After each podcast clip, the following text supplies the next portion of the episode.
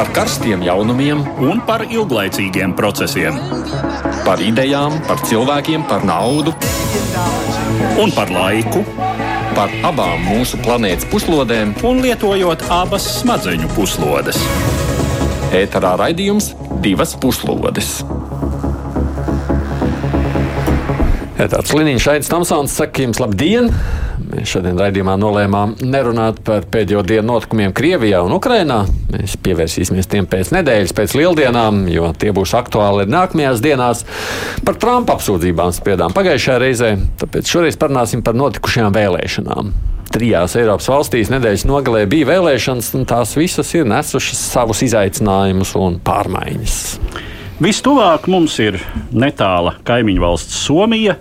Svarīgi ir ne tikai ziņa par tās iestāšanos NATO, bet arī par tur notikušajām parlamenta vēlēšanām, un tajās ir uzvarējusi opozīcija. Lai arī balsu sadalījums bija diezgan līdzīgs, esošās premjerministres Sociāldemokrātiskā partija palika vien trešajā vietā. Palūkosimies, kāpēc tā un kādas pārmaiņas gaidāmas Somijā. Pēc tam dosimies uz Balkāniem. Man vispār šķiet, laikam, jā, par pēdējām pāris vēlēšanām Bulgārijā mēs vairs neesam runājuši. Tur jau notika piektās ārkārtas vēlēšanas, jo partijas nekādi nespēja sastrādāties. Nu, uzvaru it kā atkal šķiet guvusi kādreizējā premjera Borisova vadītā partija, bet nu, tas nenozīmē, ka šoreiz izdosies izveidot stabilu valdību. Un mūsu raidījumos mēs līdz šim praktiski neesam runājuši par Melnkalni. Svētdien tur tauta prezidenta amatā ievēlēja ekonomistu Jakovu Milatoviču. Viņš nomainīs Miloģu Kanoviču, kurš faktiski val vadīja valsti vairāk nekā 30 gadus. Arī šoreiz viņš kandidēja uz prezidenta amatu, taču acīm redzot, vēlētāji beidzot noilgojušies pēc pārmaiņām. Kopā ar mums studijā notikumus komentēs politologi Andris Kudors, sveicināti, Sveiki. un Jānis Kapstāns, kurš arī pasniedz Latvijas Nacionālās aizsardzības akadēmijā. Labdien! Sveicieni visiem! Un tātad sāksim vispirms ar tuvumā esošo Somiju. Jo tuvāk nāca svētdien notikušās Somijas parlamenta vēlēšanas, jo mazāka saruka reitingu starpība starp trim ietekmīgākajiem pretendentiem - līdzinājās premjerministres Sannas Marinas sociāldemokrātiem un diviem opozicionāriem - labēji centrisko Nacionālo koalīcijas partiju un labēji populistisko Somu partiju. Rezultātā visu trīs partiju rezultāti atšķīrās vien par procenta desmitaļām, tomēr ar šo starpību ir diezgan, lai valsts stūra nonāktu citās rokās. Par spīti tam, ka sociāldemokrāti pat nedaudz palielinājuši savu vietu skaitu parlamentā, viņi tomēr šoreiz palikuši trešajā vietā, jo abiem pārējiem konkurentiem pieaugums ir vēl ievērojamāks. Vēlēšanu kausos izrādījusies par vieglu, svērtā premjeras Marinas spilgtā harizma un vadītājas dotības, kuras viņa apliecinājusi šais krīžu gados, taiskaitā konsekventā Somijas virzīšana uz NATO, kas vainagojās ar oficiālu pievienošanos vakar. Gluži tāpat kā iepriekšējā reizē 2019. gadā otro pozīciju ieņem Somu partija. Savukārt uz pirmo no trešās izvirzījusies Nacionālā koalīcijas partija, tradicionāli dēvēta vienkārši par koalīciju. Trīs smagsvari sadalījuši savā starpā balsis, kuras zaudējuši Marinas valdības koalīcijas partneri - Socialistiskā kreisā alianse, Zaļo līga un tradicionāli Somijas laukus pārstāvošā centra partija.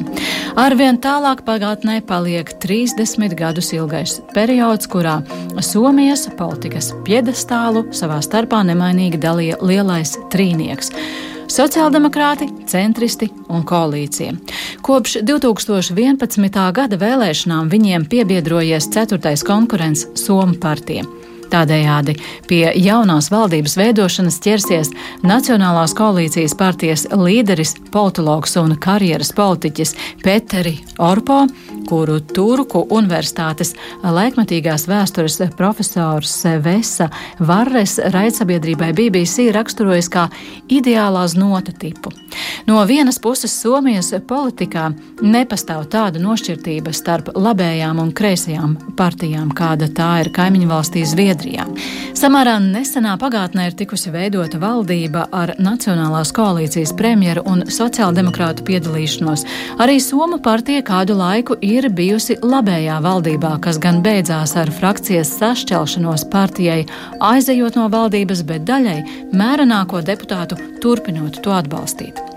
Nākamajās vēlēšanās šķeltnieki gan cieta fiasko. Savukārt stingrās līnijas piekritēji atguva zaudētās pozīcijas. Vairums no kreisajām un centriskajām partijām ir paziņojušas, ka ar Somu partiju vienā valdībā nestrādās. Tad nu potenciālajam premjeram Orpo jāizšķiras, uz kuru pusi vērst skatu - vai pa labi, vai pa kreisi. Kādas ir tās iespējamās kombinācijas, kas varētu veidot valdību, Andi? Sāc tu. Nu, īstenie somi, kurus mēdz dēvēt par labējiem populistiem, ir pēdējā laikā parādījuši, ka viņi kļūst mērenāki. Ja? Tātad viņi iespējams gatavo sev tai reālai iespējai, ka viņi beidzot varētu būt valdībā. Bet nu, gal galā arī tie, kas, tie, kas uzvarēja, konservatīvie var priecāties, ka sociāldemokrāti tiek pastumti malā demokrātiskā cīniņā. Nu, no vienas puses viņi varētu iet uz Somiju. Es, es nezinu, man tā grūti spriest. Es arī nezinu, kādas vispār ir iespējas. Nu, ja tā ir matemātiski, tā tad uh, tur jau laikam vai pat divas valdības, divas partijas arī nevar izveidot, vai var izveidot valdību. Divām nesanāk. A, divām nesanāk. Tā tad vismaz jābūt trim koalīcijas partneriem. 101 vietu vajag, un, un uh, nevienā veidā nav, jā. nav vairāk par uh, 90 ar kaut ko okay. kopā. Tad tas nozīmē, ka tā matemātika ļoti jā. dažāda var sanākt, vai ne?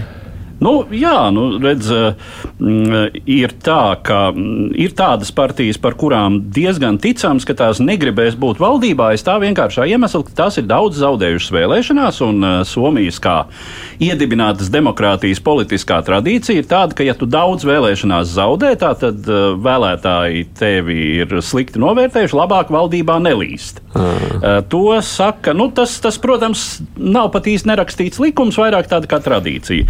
Šādā Šādā sakarā tiek teikts, ka centra partija, zaļie un kreisie varētu atturēties no piedalīšanās valdībā. Ja nemaldos, tad centra partijas līdera pat to ir deklarējusi. Nu, ka kas tā kā paliek? Nu, paliek Zviedru partija, kas bija koalīcijā un kas nu, ir centrisks spēks, pārstāv šo pamatā etnisko minoritāti, mm. lielāko Somijā un vēsturisko, un uh, ar viņiem nav īpaši problēmu veidot uh, Nevienu. valdību ne ar vienu, lai gan, nu, uh, lai gan ir izteikušies, Zviedru partija ir izteikusies, ka nu, ar tiem somu, ar tiem somiem, respektīvi somu partiju, šiem uh, radikālāk labējiem, Viņi negribētu, bet neizslēdz iespēju. Tā kā nu, tas, ko raksta, ka potenciālais premjerministrs Orpo pirmkārt vai visdrīzāk tādas sarunas tiešām uzsāks ar Somu partiju. Um, nu, no tā viedokļa droši vien, ka um, tā arī ir opozīcijas partija, un kā jau Andris teica, uh, ir uh, kļuvusi mērenāka. Iepriekšējā vienreiz viņa bija valdībā. A, kas ir? Pastāstiet mazliet par to Somu partiju. Pastāst, kas tas tāds ir par zvēru? Es varbūt uh, iesākšu tomēr ar to, ka būtībā ir vismaz divi tādi valdības veidošanas varianti. Un tātad zelta kārts ir konservatīvo līderim Peteri Orpo. Nu, tas ir tas, kurš jā, veidos. Tā tad mm -hmm. viens variants tiešām viņš var uzaicināt Somu partiju un divas, trīs mazās partijas, nu, piemēram, Zviedru tautas partija, Kristīgie demokrāti, nu, un tad pēc vajadzības, ja vēl kādu vajag. Jā. Šeit viņiem saskan tas, ka viņi iestājās, ka vajadzētu samazināt nodokļus un samazināt izdevumus. Un Orpo ir deklarējis, ka vajadzētu samazināt izdevumus par 6 miljardiem eiro tuvāko četru gadu laikā.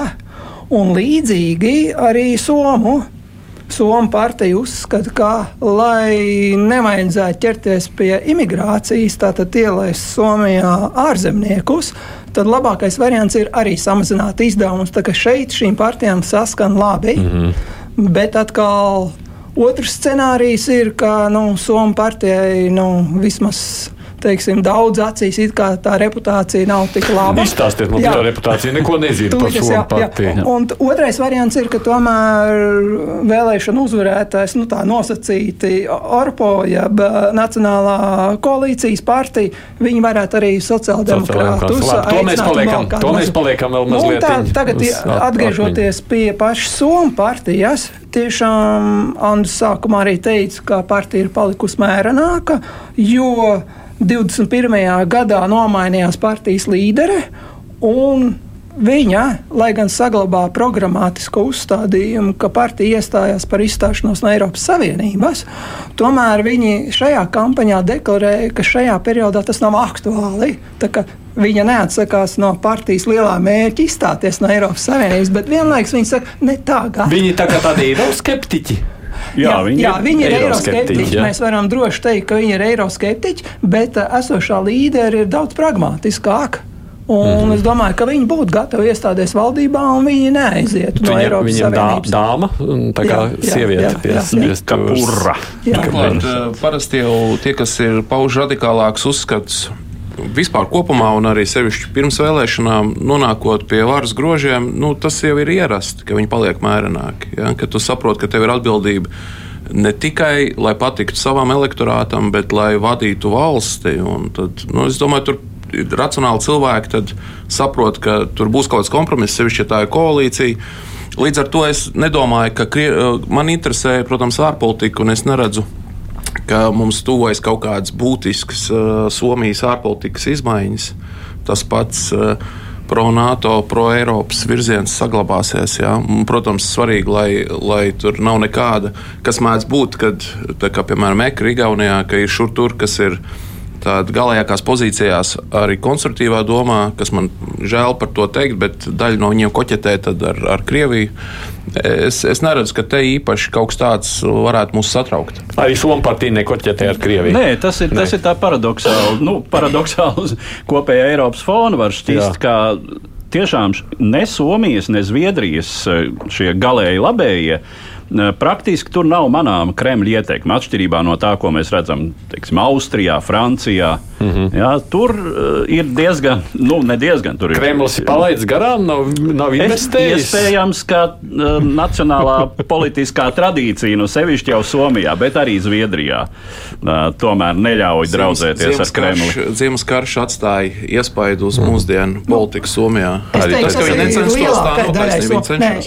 Ir arī mazās marginālās margināļi, kreisās grupas, kas ir Kremļa atbalstītāji, bet nu, viņi tiešām margināļi un viņiem nav ietekme. Kreisie un kreisie, jā, tas ir kreisie savukārt. Nu, pa ko vēl ir šīs diskusijas par nodarbinātību? Nu, Somijā, līdzīgi kā daudzās valstīs, kā Latvijā un citur, uh, pietrūkst darba spēka.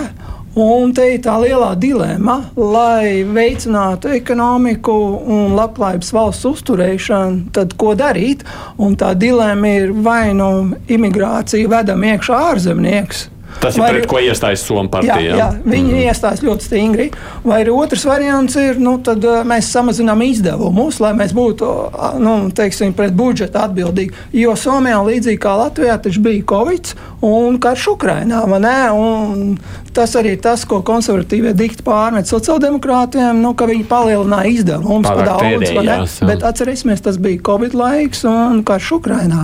Es domāju, ka laikam visām valdībām līdzīgi nācās rīkoties. Bet turpmāk Somija negribētu. Ne? Un konservatīvie uzskata, ka ir jāsamazina izdevumi, mm -hmm. nu, lai teiksim, atbildīgi izturēties pret ekonomiku. Bet bezdarba trūkums tas ir ļoti lielā Somijas teiksim, reģionos, redzams, trīs lielākajās pilsētās, arī ieskaitot Helsinkos. Viņiem tiešām trūks cilvēku, un tā, tā ir pieauguša problēma. Bet migrācijas jautājums kā tāds šajās vēlēšanās principā lomu nespēlē. Un par ārpolitiku viss ir kārtībā no Latvijas interešu viedokļa. Uh, NATO faktiski šeit ir ļoti plašs atbalsts. Bet iznāk tā, tā, tā to vakardienas skaisto ziņu, ka nu, būtībā jau sociāldemokrāti atveda vai ne valsti līdz NATO. To tā nu, nenovērtē. Tas, protams, nebūtu iespējams bez uh, vispār nacionāla politiska konsensusa.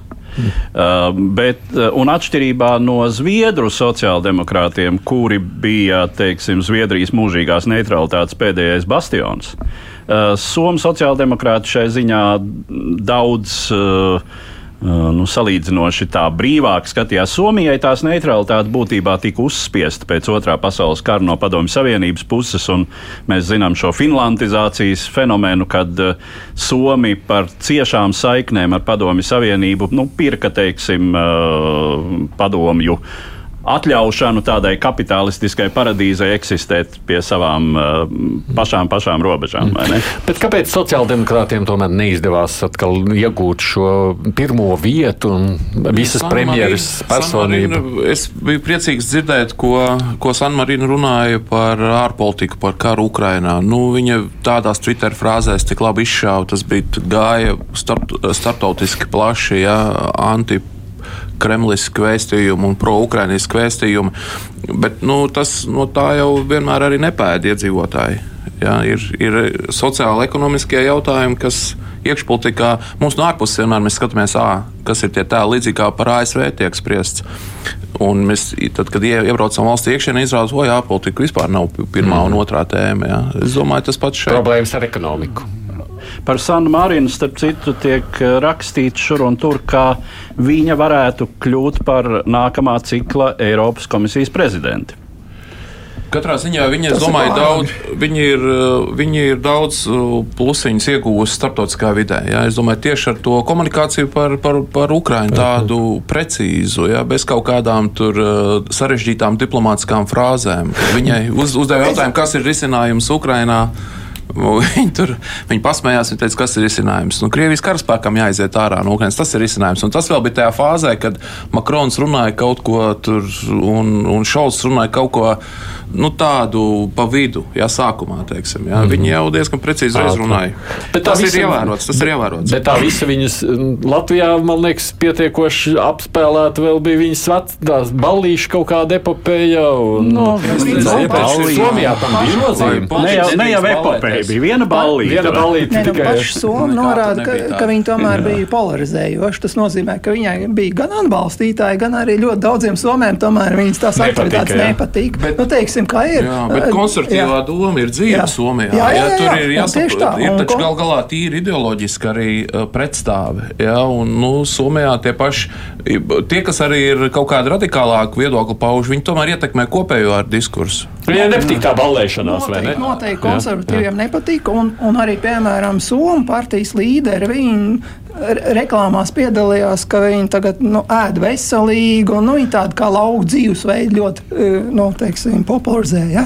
Tā, ka, tas arī, arī diezgan harizmātiski. Es gan negribētu novelt visu vainu uz uh, Marīnas e, personību, ne? bet nu, īstenībā jau ekonomika ir ekonomiskās grūtības, un tad cilvēki nu, mēģina atrast vainīgo un kaut kādas izmaiņas. Pietīk. Jā, bet atcerēsimies, ka sociāldemokrāti jau pat mazliet ieguva šais vēlēšanās. Jā, vienkārši ieguva mazāk nekā konkurenti. Bet savu iepriekšējo rezultātu viņi uzlaboja. Ir vēl viena epizode, kas varbūt tādā kristīga konservatīvo burbulī izskanēja skaļi. Tas bija bijušās Somijas uh, iekšlietu ministrs krimināla vajāšana par to, ka viņi Twitterī ierakstīja uh, skaidrojumu no Bībeles par, uh, par homoseksuālām attiecībām. Viņas vīrs ir Lutāņu mācītājs. Jā. Un eh, tādā kristīgā konservatīvā burbulī tas izskanēja skaļi. Ja? Šie jau šie ir tādi faktori, kas ietekmē nu, konservatīvo balsotāju, kurš mobilizējas. Jā.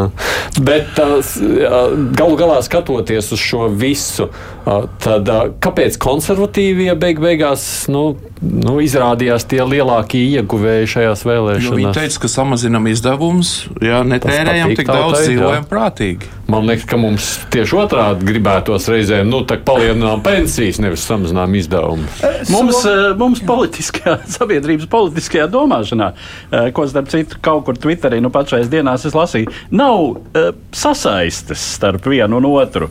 Dombrovska fenomens bija, ja, ka tas tie um, bija, jostas savilkšanas politika, kas patika Vācijā un Merkelē, tas jau bija politoloģijā kā kaut kāds jauns fenomens, ja, ka tie, kas ierobežo tagad saglabā popularitāti, tas bija tāds, kā tā var būt.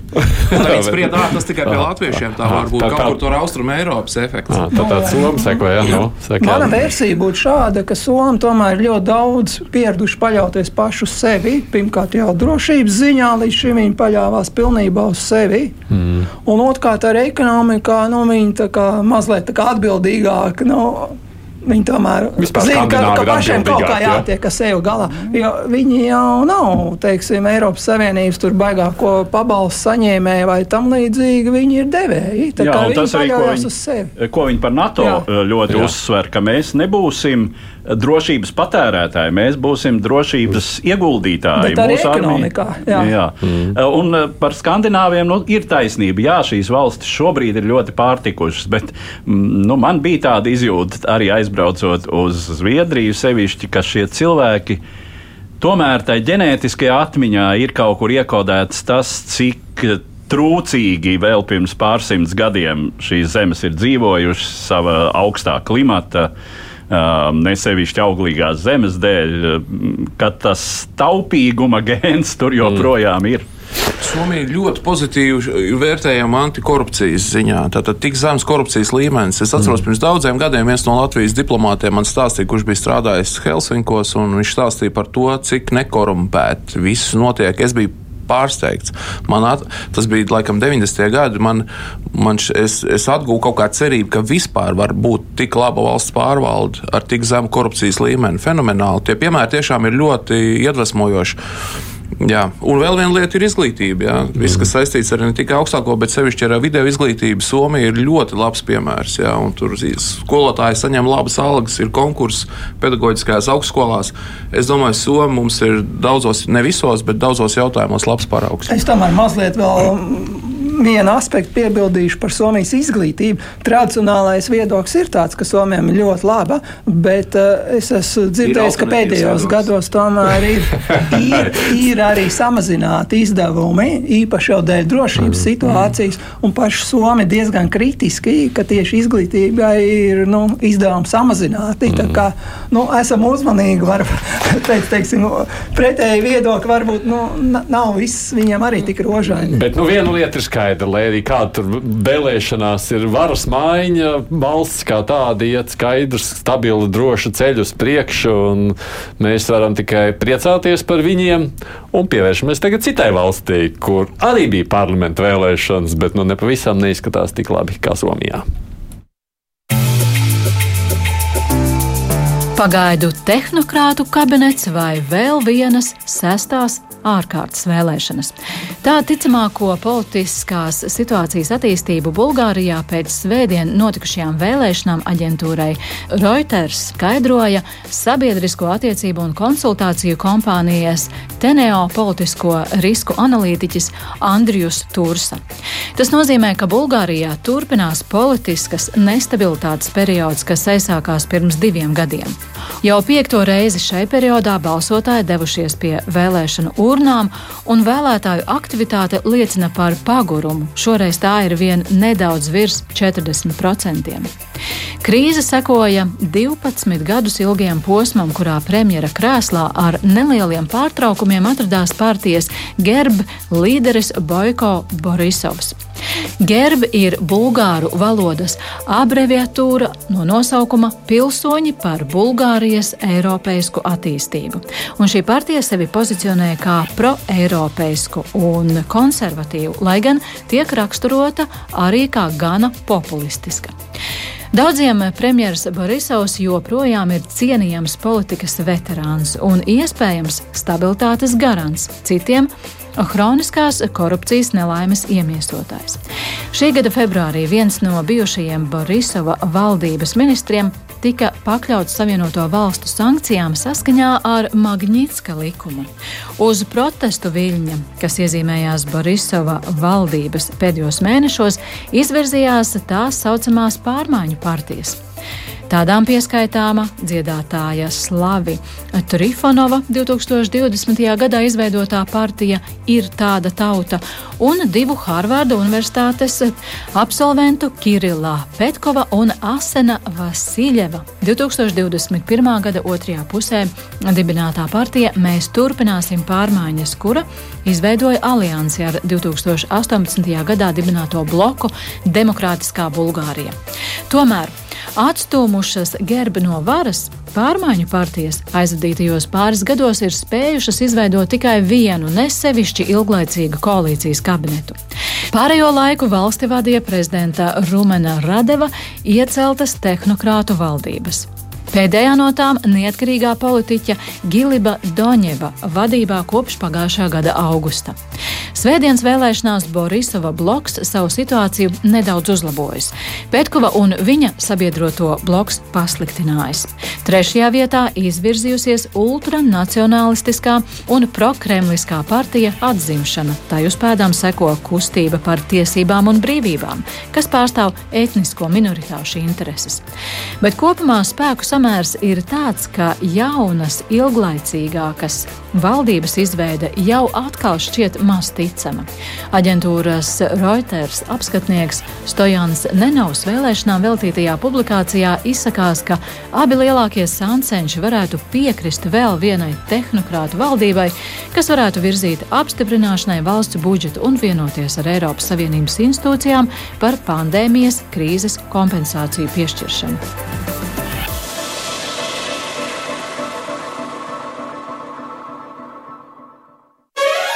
Divas puslodes. Atgādījums studijā bez mums ir Edvards, arī politologs Jānis Kapstāns, Ants Kudovs. Kāpēc Bulgārijā ir tik nezinu, dziļa krīze izveidojusies? Tur kaut kas pašos pamatos uzbūvēts nepareizi. Nu, es teiktu, ka salīdzinoši mm, joprojām posttotalitāras sabiedrības problēmas ar zināmu droši vien arī Lai gan, nu, nē, es, es te reģionālo momentu tā īpaši negribētu akcentēt, jo Uh, nu, galu galā korupcijas problēmas nav maz pazīstamas. Jā, nu, sociālisms jau arī nav maz pazīstams pie mums visur. Jā, nu, kas Bulgārijas teiksim, īpatnība arī, arī, kas uh, tieši šajos gados tomēr parādās, nu, ir tās vēsturiski ļoti ciešās un uh, savstarpēji simpatizējošās saites ar Krieviju. Uh, Un šobrīd Bulgārijas sabiedrībā ir grūti tā ziņā, ka nu, tā ir NATO valsts, tā ir valsts, kas arī nu, kur liela sabiedrības daļa, un es teiktu, lielākā daļa elites gribētu atbalstīt Ukrainu, bet nu, ir tikpat liels, nu, ir, ir ievērojama sabiedrības daļa, kurai nu, kurai ir prokrieviska noskaņa, pie kam tās, tās nav simpātijas, piemēram, pret Putinu kā personību primāri, bet tas, ka Savā laikā Krievijai bija liela un pozitīva loma Bulgārijas atbrīvošanā no Osmaņu impērijas jūga, tas ir vēl 19. gadsimts. Arī Otrajā pasaules karā, kaut faktiski abos pasaules karos, Krievija un Bulgārija bija dažādās frontes pusēs, bet eh, viena otrai neko briesmīgu nenodarīja. Un tad šī te, nu, vēsturiskais un karš vispārējais tagad traucē kaut kā politiski sameklēt. Nu, tas postpadu, ir, man ne, nepatīk jēdziens postpadomi, bet dažkārt viņu ir nepieciešams lietot. Ja es viņu lietoju par Baltkrieviju kā tipiskāko postpadomu valsti, ja, jo Jā. tas padomiskais elements tur ir spilgts, ja, klātesošs. Un Bulgārijā, diemžēl, arī daļēji tas ir. Un, un nu, pat es izteicu tādu gandrīz vai sajūsmu par Somiju, tad par Bulgāriju man ir apmēram kaut kas pretēji. Otrā kaut kādā jūtu flangā tās sajūtas gan par korupciju Un cik es pats esmu bijis arī. Nu, Es kaut kā cenšos apslāpēt sev, lai es neaprunātu cilvēkus un tautu, jā, jo tas, ir, tas nav veselīgi. Uzlikt tā kā viss uzreiz varam, rāmī, teikt, bet... uzreiz varam teikt, Bulgāri ir ļoti simpātiski cilvēki. Ļoti viesmīlīgi, ļoti jā, patīkami saskarsmē. Tas, tas ir labi, tu tā glābi situāciju. Jā, es, es jau ar sevi apstādināju, lai es neaizēju kaut kādā tādā ne, ne jau naidu kurināšanā, bet tā aprunāšanā. Bet nu, sabiedrība ir sašķelta. Ja? Eiropas, Eiropas pievilcīgums kā Eiropas Savienības pievilcīgums mazinās kopumā, ne jau tikai arī Bulgārijā. Vispār, ja, tā vilkuma, tā, kas bija, kad mēs stājāmies iekšā, bija daudz spilgtāka nekā tagad. Tāpat Maķedonijā. Uh, ko es vērtēju daudz, daudz pozitīvāk arī no tādas demokrātijas perspektīvas, uh, un ar to, no tiem pašiem uh, tādu uh, human perspektīvu, ja, no tādas komunikācijas pieredzes, kas man ir bijušas ar bulgāriem un ar maķedoniešiem, tad maķedonieši man liekas ļoti uh, atbilst tādai idejai, kas ir Eiropieši. Ja? Tie slāvi, kas ir pareizticīgie un reizē viņi ir pro, par, par demokrātiju, viņi ir ļoti eiropeiski un viņi ir gatavi apkarot korupciju, bet arī pat Maķedonijā tā Eiropas Savienības pievilcīguma uh, elements samazinās. Nu, un uh, lielais lācis neguļ. Ja, tās Balkānos, Krievija nepārtraukti ir ļoti aktīva. Mēs šodien vēl runāsim par Melnkalnu, kur tas ir sevišķi spilgti bijis. Mm -hmm. Bet nu, viņi turpina darboties. Ja? Viņi no, mēģina arī Bulgārus pārliecināt par labu sev. Jā. Jā. Nu, Tātad par Bulgāriju. Tas ir turku faktors vēl. Visu, atgriežoties apkārt pie Bulgārijas, tad vismaz PSRS laikos bija tāds eh, teiciens, ka Bulgārija ir kā sešstā padomu republikā, un īstenībā te ir daudz, kas ir pateikts. Un tā, tad, ja mēs skatāmies, tad notikušās vēlēšanas bija jau piektās parlamentu vēlēšanas pēdējo divu gadu no jā, laikā. Jā, tas ir traki. No jā. tas neiet runa pa vienām ārkārtas, bet piec, piecas vēlēšanas. Un, un nav teikts, ka pēdējās sapratu. Jā. Un ilgadējais uh, premjerministrs Boiko Borisovs, kas pārstāv labēju centrisko gerbi, viņš trīsreiz bijis premjerministrs. Tieši viņa laikā korupcija ļoti, ļoti lielos apjomos pieauga, preses brīvība samazinājās, viņu masa protestu nogremdēja. Nu, kas tad tagad alternatīvi izveidojās? Pēc tam viņi nomainīja, nu, teiksim, šī tā te pret korupciju vadītā Kirila Petko vadītā. Turpinām pārmaiņas, bet viņam bija koalīcija. Un koalīcijas sastāvā, piemēram, bija tāda populista ar nosaukumu Ir tāda tauta. Nu, viņi arī ilgi neizturēja. Ne? Nu, tā kā Bulgāri ir ļoti sašķelti, Diemžēl jāsaka, ka Eiropas Savienībā viņi ir visnabadzīgākā valsts. Nu, reizēm cilvēki saka, ka Latvija absolūti nē, Bulgārija viennozīmīgi ir nabadzīgākā valsts, Latvija noteikti nē.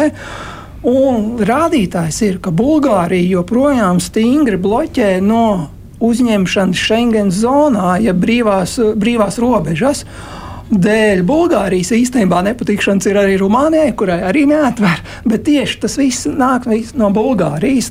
Šīs problēmas ir. Un jūs jau pareizi ieskicējāt. Nu, viņi tādās robežās, vēsturiski viņi it kā uz Krieviju orientējās. Šodien ir Eiropas Savienībā, NATO. Paskatāmies uz prezidentu e, Rādevu Viņš ir par Eiropas Savienību, NATO un vienlaikus viņš grib uzlabot attiecības ar Krieviju. Nu, nu, kā tas iet kopā? Nu, tas nekādīgi neies kopā. Bet tas nu, nozīmē, ka viņiem jā. kaut kas tajā, bet nu, cik ilgi var vēlēšanas rīkot? Es par šo arī mūstu. Nu, nu, kaut kādā brīdī taču ir kaut kas jādara. Nu, to pašu jau arī par Izraēlu var jautāt. Vai ne? Kaut kas cik ilgi variantu? Es teiktu, ka nav. Nu, uh, varbūt. Taču kaut ko valsts pārvalda, nezinu, uzbūvē konstitūcijā, es minu. Nē, viņi jau, viņi jau šo gadu laikā, cik var noprast, ir paspējuši pierast pie šīm tehnokrātu valdībām, ka divu gadu laikā uh, no diviem gadiem septiņus mēnešus ir bijusi politiska valdība, šī Petko valdība. Pārējo laiku ir pagaidu premjerministri ar kabinetiem, kur, ja arī kāds ir partijā, tad viņš absolūti nepārstāv šīs partijas politiskos nosacījumus. Tad viņi ir profesionāļi valdība, ko mēs Jā. tā ļoti ilgojamies reizēm Latvijā. nu, nezinu, vai pēc tā vajag ilgoties no. īpaši. Bet, bet nu, šobrīd, šobrīd viņiem situācija ir kritiska. Tāpēc, ka ir, jāapsti, ir neapstiprināts joprojām gada budžets, un tas savukārt kavē tikšanu pie Eiropas pandēmijas kompensācijas fondiem, kur Bulgārija cer saņemt diezgan daudz. Mm. Bet kā, ko tas viss var tā turpināties? Nu, kas ir demokrātijas priekšrocība? Tas, ka no malas var, var skatīties gan uz Itāliju, gan jau uz to pašu Bulgāriju, vēl uz valstīm, kur bieži mainās valdības, un tad varētu pretī likt autoritārisms ar stabilitāti. Īstenībā šī nestabilitāte ir labāka par tā saucamo autoritārismu stabilitāti. Tāpat viss tiek risināts de demokrātijas ietvaros. Nu, ja sabiedrībā tie, tās pretrunas ir tik liels, nu, viņas parādās tad, uh, demokrātijā, pārstāvnieciskajā demokrātijā. Kur ir problēma ar, ar Bulgāriju? Ir, manuprāt, tur trūkst politiskās kultūras un tādas. Tā, atbilstošas demokrātijai. Tad politiskā kultūra nav runa par pieklājību uzvedību, ko dažkārt cilvēks sajauc. Ja politiskā kultūra nozīmē to, ko indivīdi redz, kas viņiem būtu jādara un nebūtu jādara politikā, tas, ko indivīdi redz, kas politiķiem ir jādara vai nav jādara, kas ir labi, slikti, un ko paši politiķi redz par sevi, kas viņiem, ko viņi drīkst darīt, ko nedrīkst, un kas sabiedrībā. Ja, tā, tad tas ir tāds vērtējums, un parasti politoloģijā piesauc Almondu un Verbu, kur, kuri tad analizēja kura politiskā kultūra ar kurām vērtībām ir vislabākā. Tur jābūt tādam kokteilim sajauktam. Ja ir pasīvā polskā kultūra, kā tas ir Krievijā, piemēram, jā, vai Baltkrievijā, tad tie vadoņi dara, ko grib, un tauta tikai mhm. noskatās un tad saņem to, ko viņi saņem. Jā. Ja ir pārāk aktīvi, kā Francijā, tad visu laiku ir uz ielām. Nu, es pārspīlēju tagad, jā. Un tad ir tā ideja par britu un amerikāņu kā par tādu vienu no visveselīgākajiem, jo tur ir sajaukums un tur ir sabiedrība ir gatava iziet uz ielām un pieprasīt. Lūk, bet tas pieprasījums te ir ļoti būtisks.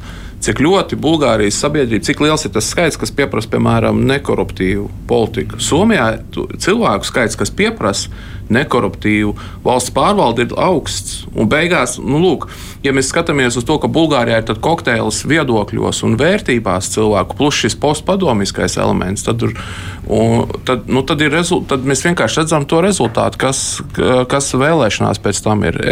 Es nezinu, ko, ko, tur, ko tur īpaši var darīt. Kultūra skaita teorija saka, ka ir relatīvi nemainīga vienība. Relatīvi tas nozīmē, ka tomēr mainīga. Jā, tad būšana Eiropas Savienībā kopumā virzīs viņus vairāk uz demokrātiju. Tā ir tā teorija, ja, ka, nu, ja mēs sakām, mēs esam eiropieši, mēs sākam uzvesties kā eiropieši un tā tālāk. Nu jā, ja mēs noliekam līdzās Somiju un Bulgāriju, tad ir tā.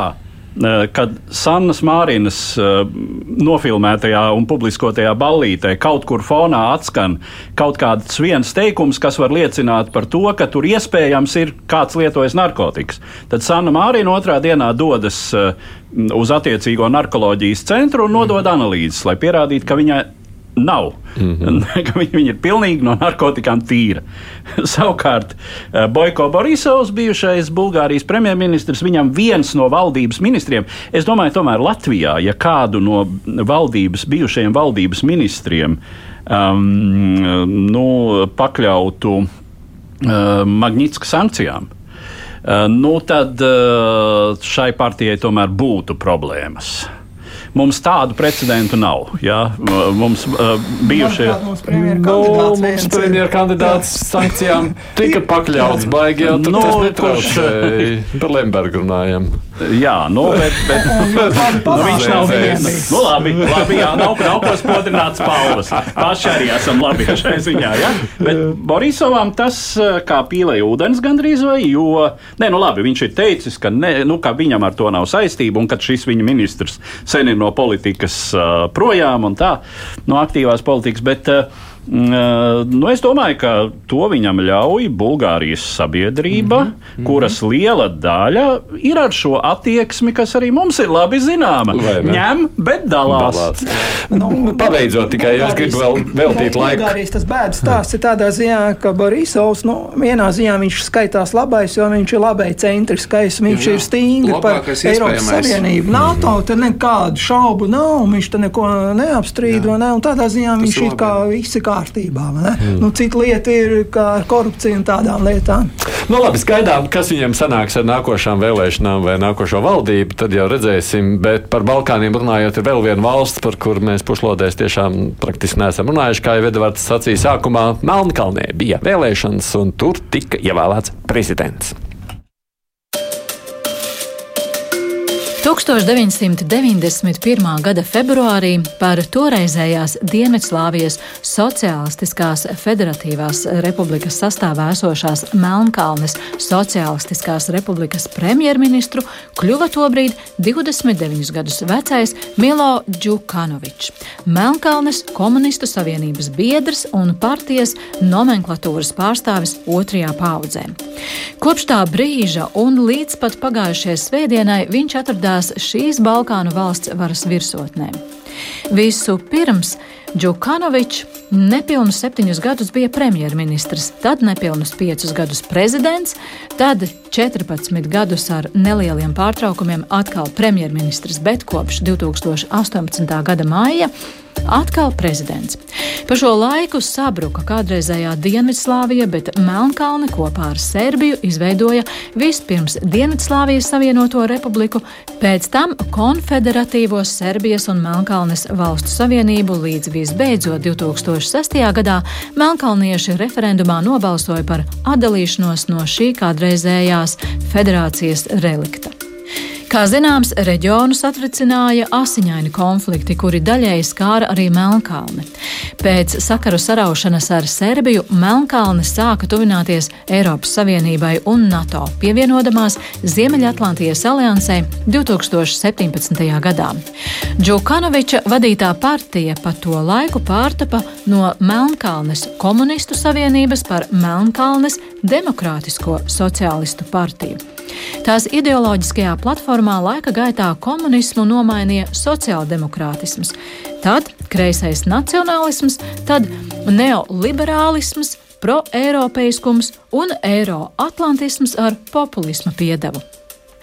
Podgoricas varas gaiteņus pamazām pameta līdera kādreizējie līdzgaitnieki, taču viņš pats šais metamorfozēs palika nemanīgi valdošs. Milo Džukanoviča brālis Aleksandrs nodibināja pirmo Melnkalnes privātbanku un aktīvi iesaistījās privatizācijas procesā, savukārt viņa māsa Ana Koraļeviča bija ietekmīga persona tiesu varas sfērā. Jo tuvāk šodienai, jo pamanāmāki kļuva signāli, ka ar Melnkalnes politisko varu viss nav kārtībā. Ilgadējo valsts līderi vainoja valsts nozagšanā un kleptokrātiskas sistēmas veidošanā, autoritārās vadības metodēs, 2020. gadā organizācija Freedom House savā demokrātijas reitingā mainīja Melnkalnes klasifikāciju no demokrātijas uz hibrīda režīmu. Kopš 2019. gada valstī vairāk kārt uzliesmojuši protesti, bet 2020. gada augustā Demokrātisko sociālistu partija pirmo reizi kopš savas tapšanas 1991. gadā zaudēja vēlēšanās opozīcijai. Milo Džukanoviča piekāpšanās 36 gadus vecajam ekonomistam ar Oksfordas diplomu Jakovam Milatovičam prezidenta vēlēšanu otrajā kārtā šķiet loģiski loģisks šī procesa noslēgums. No, klausos Edvards šo sagatavotu apkopojumu, liekas, nu, nu ārprāts. Mums taču tā ne, tomēr ne tuvu nav bijis. Demokrātiskā valstī viens cilvēks pie teikšanas tik ilgi, kā tā var būt? Jā? Es varbūt iesākšu to, ka Melnkalna īstenībā ir ļoti maziņa valsts. 620 tūkstoši iedzīvotāji, tas ir būtībā tā kā viena Rīga. Un kā valsts viņa diezgan jauna, jo viņa visilgāk noturējās savienībā kopā ar Serbiju un tikai 2006. gadā, jā, 2006. gadā atdalījās no Serbijas un pasludināja neatkarību. Un tā arī ir kaut kāds tas fenomens, jo sākotnēji viņš pat bija Miloševičs sabiedrotais, šis te Milo Džukanovičs. Pēc tam viņš iestājās par neatkarību. Viņš neatkarīgi. Viņš ir tāds kameleons. Viņš ir tāds kameleons, jā, tagad, no ja līdz. Jā, un tagad, ja mēs skatāmies jauno līderi, tas atkal ir pilnīgi savādāks. Viņa jaunais līderis, kurš spēks saucās Eiropu, tagad ir it kā rietumniecisks, bet arī tuvināts Serbijai.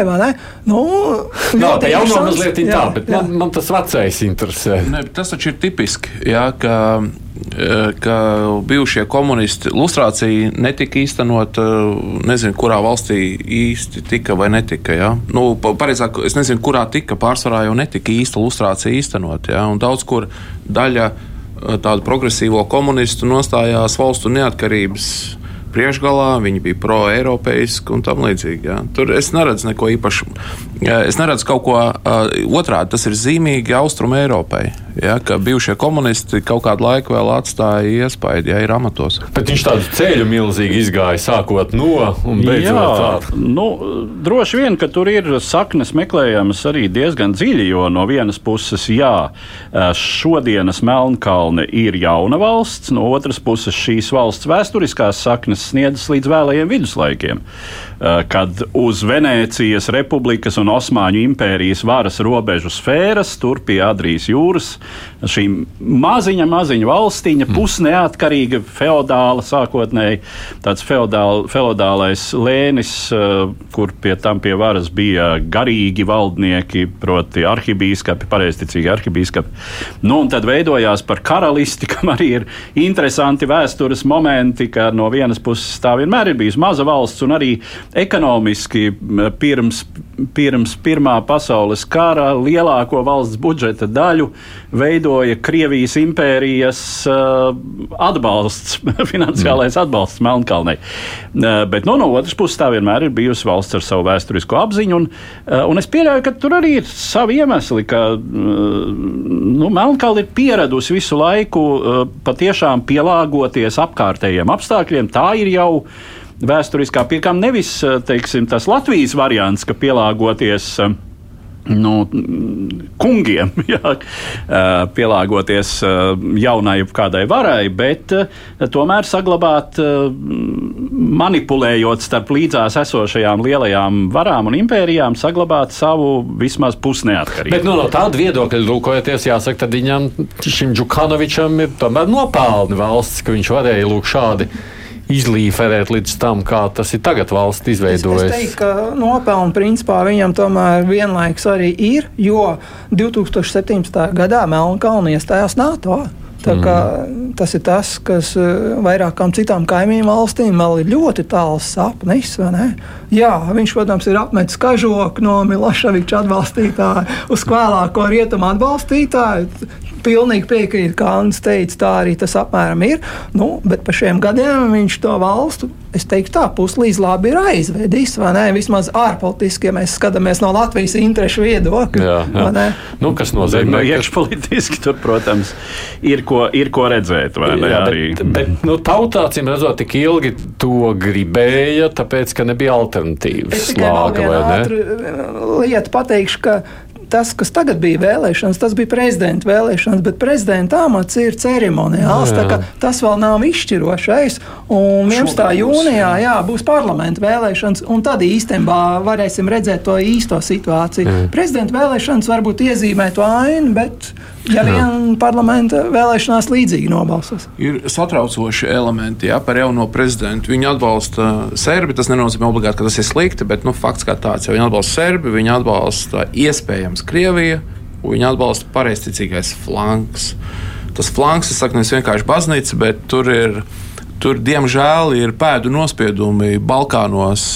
Konstantīna Malafējava, Krievijas multimiljonāra, uh, darbībām. Pēc 14. gadā viņš aktīvi piedalījās uh, Krīmas okupācijā, kā hibrīda kara viens no īstenotājiem. Un viņš, viņš darbojas, viņš bija ievedis arī Serbijā, uh, tas bija 15, 16 gadu, kaut kāda kazaku organizācija, kur bija trenēti vīri. Un tad bija gal galā Melnkalnē bija bija apvērsums 16. gadā, mēģinājums apvērsums 16. gadā, kur no sākuma izskatījās, ka varbūt tas ir kaut kāda fikcija, bet tad tika aizturēti cilvēki vēl Serbijā ar, ar ieročiem un ar, ar, ar naudu. Un šis tāda pareizticīgā dimensija tur ir ļoti klātesoša. Ja? Un, ja tagad viņu atbalsta šie te. Uh, specifiski tā ir serbu baznīca, jā, serbu pareizīgā baznīca, kas viņu atbalsta. Nu, tas ir zināms trauksmes zvans, tāds satraukums. Nu, jā, viņš runā par to, ka viņš ir uz Eiropu, un, e, bet tur redzēsim, ko tas praksē nozīmēs. Jā, cik liela tā sadarbība ar Krieviju būs tagad nākotnē. Un, protams, ar tās parlamentu vēlēšanu to parādīs. Katrā ziņā te ir satraucošs elements, jo Krievija ļoti cieši lūkojās uz, uz Melnkalni. Bija tas uh, Rešetņikovs, laikam viņam bija uzvārds, ja, kas risīja tādu institūtu, vadīja SVR ģenerālis Krievu. Viņš zaudēja amatu pēc šī neveiksmīgā apvērsuma Melnkalnē. Garēvu virsnieki tika pieķerti. Ja, tur vismaz divi bija konkrētiem uzvārdiem. Ja. Tur Krievija ir ļoti, tā ir populāra vieta ar krieviem, kur atpūsties. Ja, miljonāri tur jahtas tur. tur.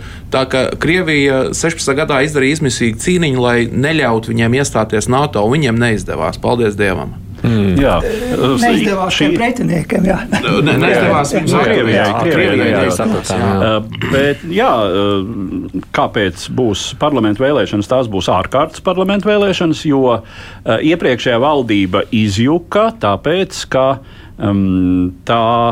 Um, slēdza darījumu ar um, Serbijas pareizticīgo baznīcu. Tā ir tā nianse, ka Melnkalnes pareizticīgā baznīca uh, kaut valsts ir neatkarīga, nav atdalīta. Nu, tāpat kā Latvijas pareizticīgā baznīca, nu, šobrīd ir šobrīd stāvoklis ir tāds, ka karājas gaisā, jā? Jā, jā. Bet, bet līdz nesenam laikam arī Krievi, Latvijas pareizticīgā baznīca būtībā bija. Maskavas, Maskavas patriarchāta filiāli. Nu, tāpat arī Serbijas, arī Serbijas patriarhs ir um, attiecīgi Serbijas uh, metropolīts ir uh, Melnkalnes baznīcas uh, tiešais vadītājs. Jā, un, un tur, ir, tur ir bijušas pat, nu, kas, mums, kas mums varētu šķist pilnīgi tā paradoxāli. Sadursmes ar policijas iesaistīšanos, kad Serbijas pareizticīgās baznīcas vadība iecēla savu mm, tā tā, nu es varu kļūdīties, vai tas, vai tas ir arhibīskaps vai tas ir metropolīts. Tā tad Melnkalnē arhibīskaps acīm redzot. Man neizsaka neko ļoti nu, daudz par šīm atbildīgais. Jā, jā. jā. Ska, skatītājs. jā, es es negribēju to teikt, tas ir no bandītu slenga, bet, jā. bet jā, vadītājs. Smatrjašķi. nu, lūk, tā, ka, tā ka tiešām tā lavierēšana tur joprojām notiek un, un ir jāskatās, jā, kas ar Melnkalnu. Nu, um, klātbūtne NATO, protams, eh, nu, tas ir zināms eh, garants. Jā. Un, un es vēl gribēju teikt, ka Milātovičs. Nu, ja mēs skatāmies, tad ir šie trauksmes zvani, bet vienlaikus Serbija jau ir kaimiņu valsts, vai ne? Un kaut kādas attiecības viņiem ir jāveido. Un vēl viņš ir solījis iestāties, panākt uh, Melnkalnes iestāšanos Eiropas Savienībā piecu gadu laikā.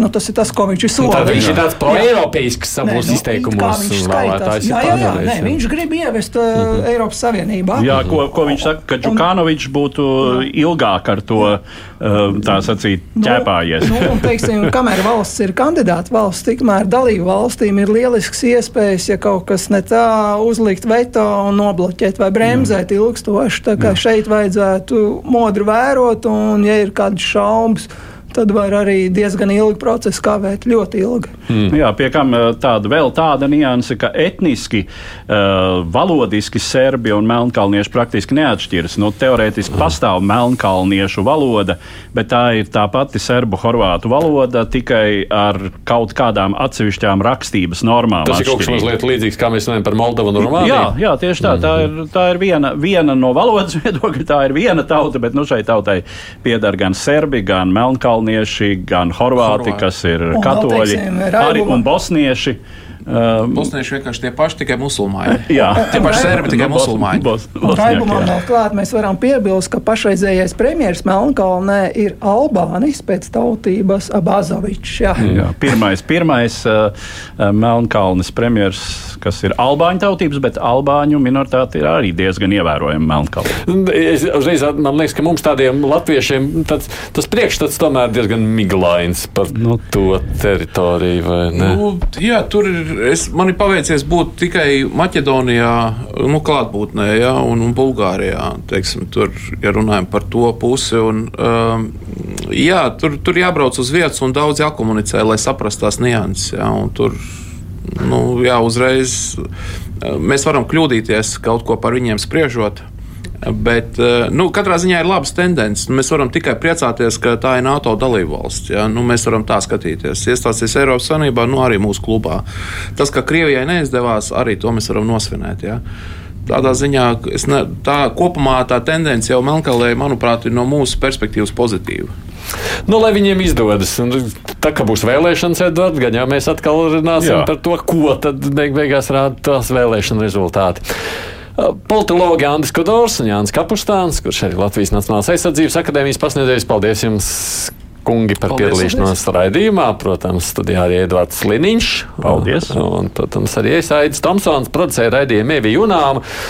Es atkal izmanto iespēju, kamēr man ir pusminūte pareklamēt iespēju gan mūsu klausīties aplikācijā Latvijas raidījā viens, gan arī abonēt mūsu raidierakstu platformās, ja podkāstos, kā tāda moderna mēdz sacīt, kur mūs var klausīties tad, kad jums ir ērti un tas raidījums ir sameklējums un arī abonējams tajā laikā, kad nu, tas parādīsies jūsu telefonos un, protams, arī internetā mājaslapā. Nu, ko, producēju Junām, tiekamies atkal pēc nedēļas.